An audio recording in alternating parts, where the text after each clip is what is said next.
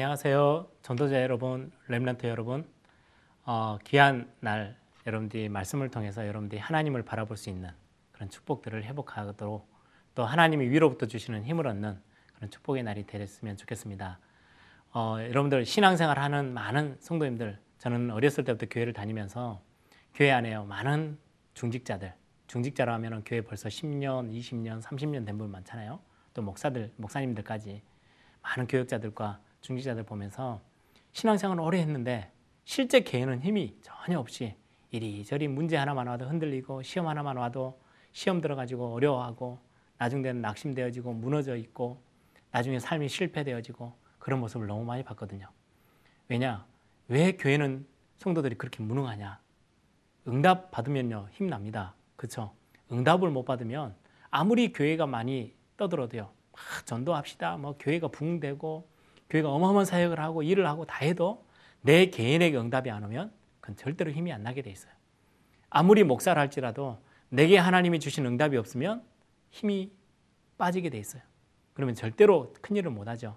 중직자 뭐 장로 어마어마한 역할을 교회에서 역할을 맡고 있어도 내가 하나님이 나에게 주신 응답이 구체적으로 없다면 그건 힘이 없고요. 무능한 상태에 그냥 머물러 있게 됩니다. 우리가 개인의 응답을 딱 붙잡는 거 굉장히 중요하죠. 그래서 여러분들 강단 메시지를 붙잡고요. 오늘의 말씀 개인화시키세요. 반드시. 오늘의 기도 찾아내세요. 오늘의 전도, 나와 전도는 어떤 상관이 있는지 오늘 하루를 내가 살아가며 하나님 앞에서 전도자의 삶을 어떻게 살할 건지 고민하셔야 돼요. 이게요, 개인의 응답하고 엄청난 가까이 있는 축복입니다. 이거 조금만 여러분들이 시작하면 개인이 응답을 받게 돼요. 응답을 받으면 힘이 나요. 힘이 나야 세계 복음화를 하든 지역 복음화를 하든 교회를 살리든 어떤 일이든 할 수 있어요. 공부하는 것도 마찬가지고 사업도 마찬가지고 내가 어떤 일을 해도 하나님이 주신 힘을 가지고 있으면 완전 승리할 수 있습니다. 이 열쇠가 오늘의 말씀, 오늘의 기도, 오늘의 전도예요. 꼭 여러분들이 개인화시켜서 응답을 여러분들이 붙잡고 여러분들이 가는 곳마다 이제는 그런 사람들 같이 함께 찾아내는 그런 축복들이 있기를 바랍니다. 오늘 제목은 개인의 힘입니다. 본문은 사도행전 27장 24절에서 25절인데요. 바울아 두려워하지 말라. 내가 가이사 앞에 서야 하겠고 또 하나님께서 너와 함께 항해하는 자를 다 내게 주셨다 하였으니 그러므로 여러분이여 안심하라. 나는 내게 말씀하신 그대로 되리라고 하나님을 믿노라. 아멘.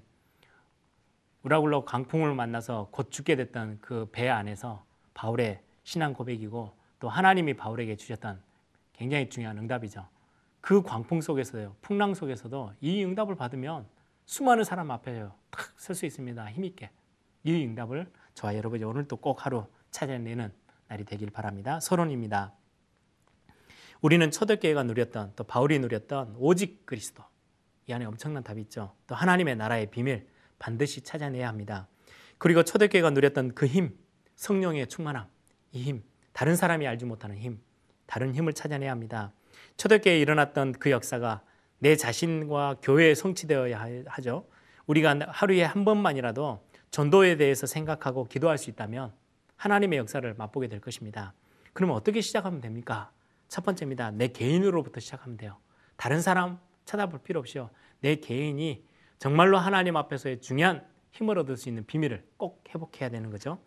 지금부터 우리 자신에게 하나님의 나라가 임하는 메시지와 기도를 계속해야 합니다. 우리도 모세처럼 여자의 후손이 뱀의 머리를 상하게 할 것이라는 이 엄청난 비밀, 언약, 희생 제물이라는 출애굽기에 주어졌던 이 언약, 이 언약을 붙잡기만 하면 실제로 내 개인에게 하나님의 말씀이 성취되어지는 응답이 오게 되죠. 또한 예수가 그리스도라는 언약을 붙잡고 하나님의 나라 임하도록 내 개인의 삶에, 내 개인의 육신에, 내 개인의 모든 부분에 하나님의 나라 임하도록 여러분들이 기도해야 됩니다. 요셉과 다윗은요 하나님이 함께 하신다는 언약을 붙잡았습니다. 그렇게 됐을 때 요셉은 노예에서 애굽의 총리가로 바뀌어 버렸고요. 다윗은 단 한 마리 양도 놓치지 않겠다고 기도하고 어, 몸부림쳤는데요.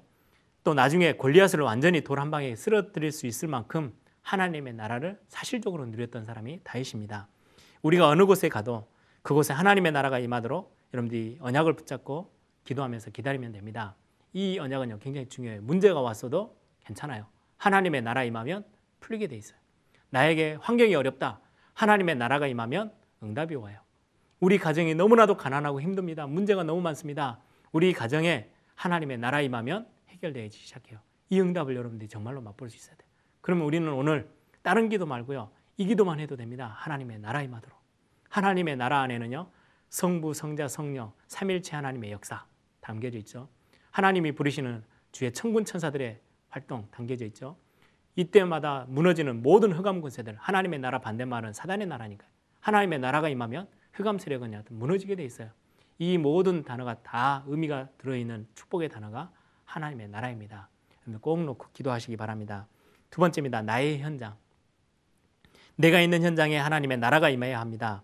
이 속에는 나의 학업도 산업도 다 포함되어 있죠. 이 축복 속에 있던 이삭도 한 해 동안에 농사를 지었는데 100배의 소득을 얻게 됐어요. 셈의 근원까지 얻었죠. 축복을 받았던 우리 초대교회 가이오 장로 여러분들 잘 알죠? 가이오가 다들 되고 싶어 하는데 가이오도 이 축복을 가지고 이 응답을 누렸던 사람입니다.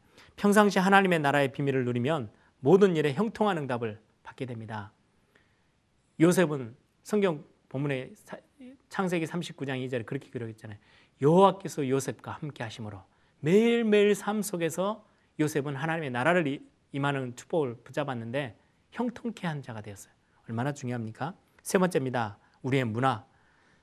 어떤 현장에 가든지 불신앙하지 아니하고 그곳에서 하나님의 나라라는 축복을 누릴 수 있어야 합니다. 출애굽할 때 일어났던 기적으로요. 애굽의 문화 완전히 다 무너뜨렸죠.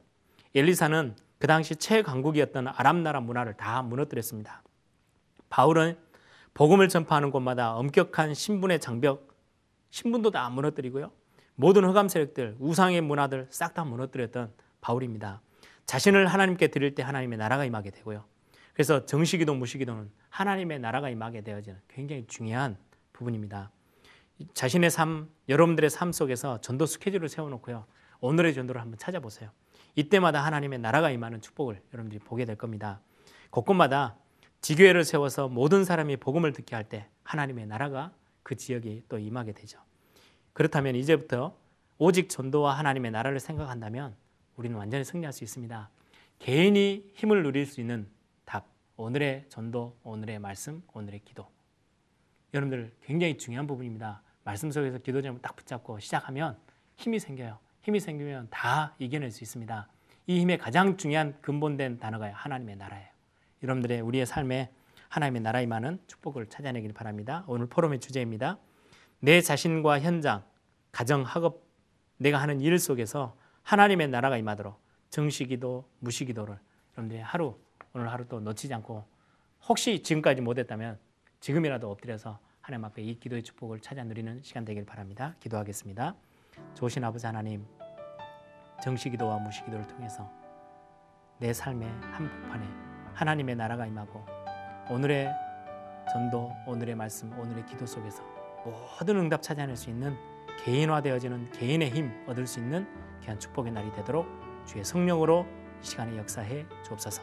주 예수 그리스도의 이름으로 기도합니다. 아멘.